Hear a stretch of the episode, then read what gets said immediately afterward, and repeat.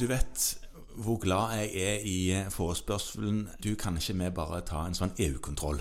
Ja, Og da sender du de ned på nærmeste bilverksted, Da er det? NAF. Ja. nei, altså eh, den EU-kontrollen den er jeg ikke så glad i. Men istedenfor å gå rett i frustrasjon, så pleier jeg å si at eh, jo, vet du hva, det kan vi gjøre. Vi kan ta og måle. For dette var en fyr som var i han var i 40-årene et sted, siden han var 45, da. Ja. Som spurte om dette her. Ja. Så sa jeg har det gått noen Lyser det noe på dashbordet ditt? Ja. Har du noe symptom? Nei, han hadde ikke det. Han ville Nei. bare ha en EU-kontroll, for det, han gjorde jo dette med bilen, så det burde jo òg kroppen få. Ja. Altså, vet du hva? Eh, Jeg skjønner godt du sier sånn. Mm. La oss ta de tingene som eh, kan være skumle, som ikke lyser på dashbordet. Ja. Ja, det syns han var en god idé. Ja.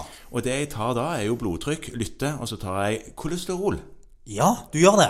Jeg tar kolesterol. Ja. Og det gjør jeg egentlig med litt sånn eh, ryggdekning i eh, retningslinjen til Helsedirektoratet om behandling og forebygging av hjertesykdom. Ja, Gjerne i motsatt rekkefølge, da. Forebygging og behandling.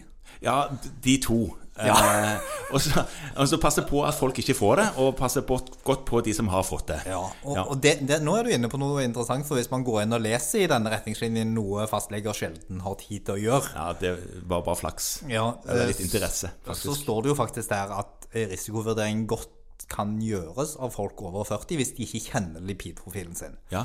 Men akkurat han her, han hadde røkt. Han hadde faktisk røkt fram til han var ganske mye, fram til han var 40. Ja. Så han hadde, var tidligere røyker. Han var ikke tidligere idrettsutøver, for å si det mildt. Han var Nei. ganske sedat. Og han hadde en far som fikk hjerteinfarkt når han var rett over 50. ja, så han hadde feil familie òg. Han hadde vært feil familie i tillegg til litt uhensiktsmessige levevaner fram til nylig. Ja. ja.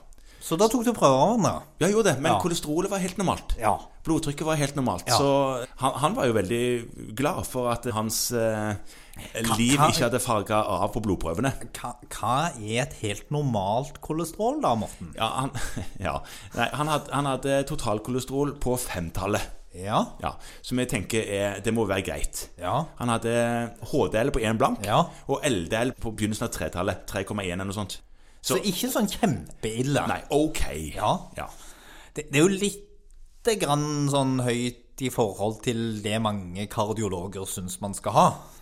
Jo da, men han her, dette var jo en fyr som i utgangspunktet ikke ville ta medisin. Jeg, jeg sendte han resultatene, og så sa jeg det at eh, man kan jo behandle dette her. Mange, noen kardiologer vil jo si det, Ja. men, eh, men han, han hadde ikke lyst. Han ville ikke. Nei. Han ville heller løpe mye og spise mindre.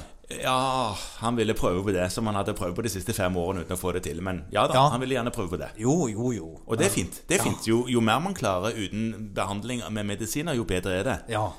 Men var det sånn at du tenkte at han kanskje burde hatt noe behandling? Ja, jeg, jeg tenker at Så han hadde jo en eh, far her som får hjerteinfarkt tidlig, og Ja, han var uhensiktsmessig bygd opp sånn rent kroppslig. Ja. Og hadde jo ikke klart å gjøre noe med vekten de siste fem årene da han slutta å røyke. Det hadde han klart.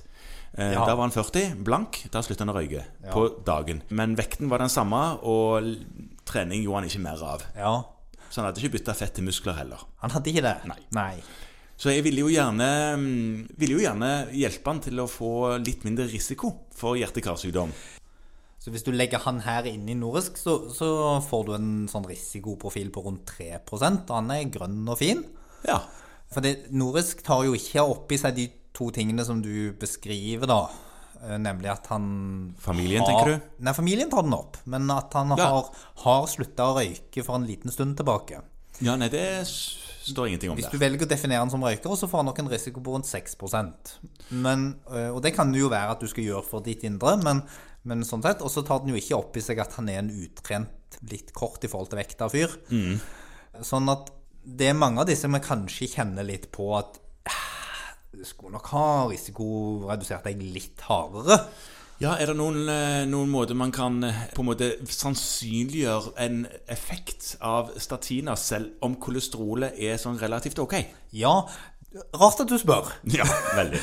Eh, hvis man går inn og leser i denne retningslinjen, da, som, som man kan gjøre, så står det faktisk det. For det, det har kommet opp noen ganger i det siste noen spørsmål om noe som heter apolipoprotein.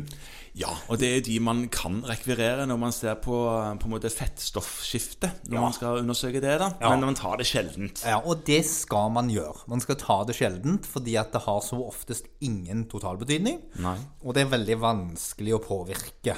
Ja, farmakologisk Ja. og med trening. Det er mer en sånn familiær sak som er satt naturmessig, det. Det er det. Og det som viser seg, da, for å gjøre dette godt Man kan ta flere forskjellige av disse prøvene. Men hvis man har et relativt normalt kolesterol, Ja. men allikevel høy familiær risiko for hjerte-karsykdom Og så kan man diskutere om denne ene faren i En far med hjerteinfarkt i ung alder er jo forhøya risiko, i hvert fall. Og så hvis man begynner å spørre litt rundt, så dukker det ofte opp flere lik i lasten. ja, en onkel og ja, kanskje til og med lik. Ja. Ja. Ting som det. Men eh, altså, da tar du apolipoprotein, sier Ja, du? Ja. og der er det apolipoprotein A og B og subklasser. Ja. Men hva er det du tar, da? Du tar apolipoprotein A og B. Ja. Ja, og så kan du da regne ut en ratio. Mhm, det ene delt på det andre? Ja, altså en apo B-apo A1-ratio. Ja, Apo B over Apo A1-ratio. Ja. Og hvis den er over 0,7, så sier retningslinjene at det indikerer en gradvis forhøya risiko for klinisk hjerte-karsykdom. Høyere og høyere risiko jo høyere den ratioen blir. Ja.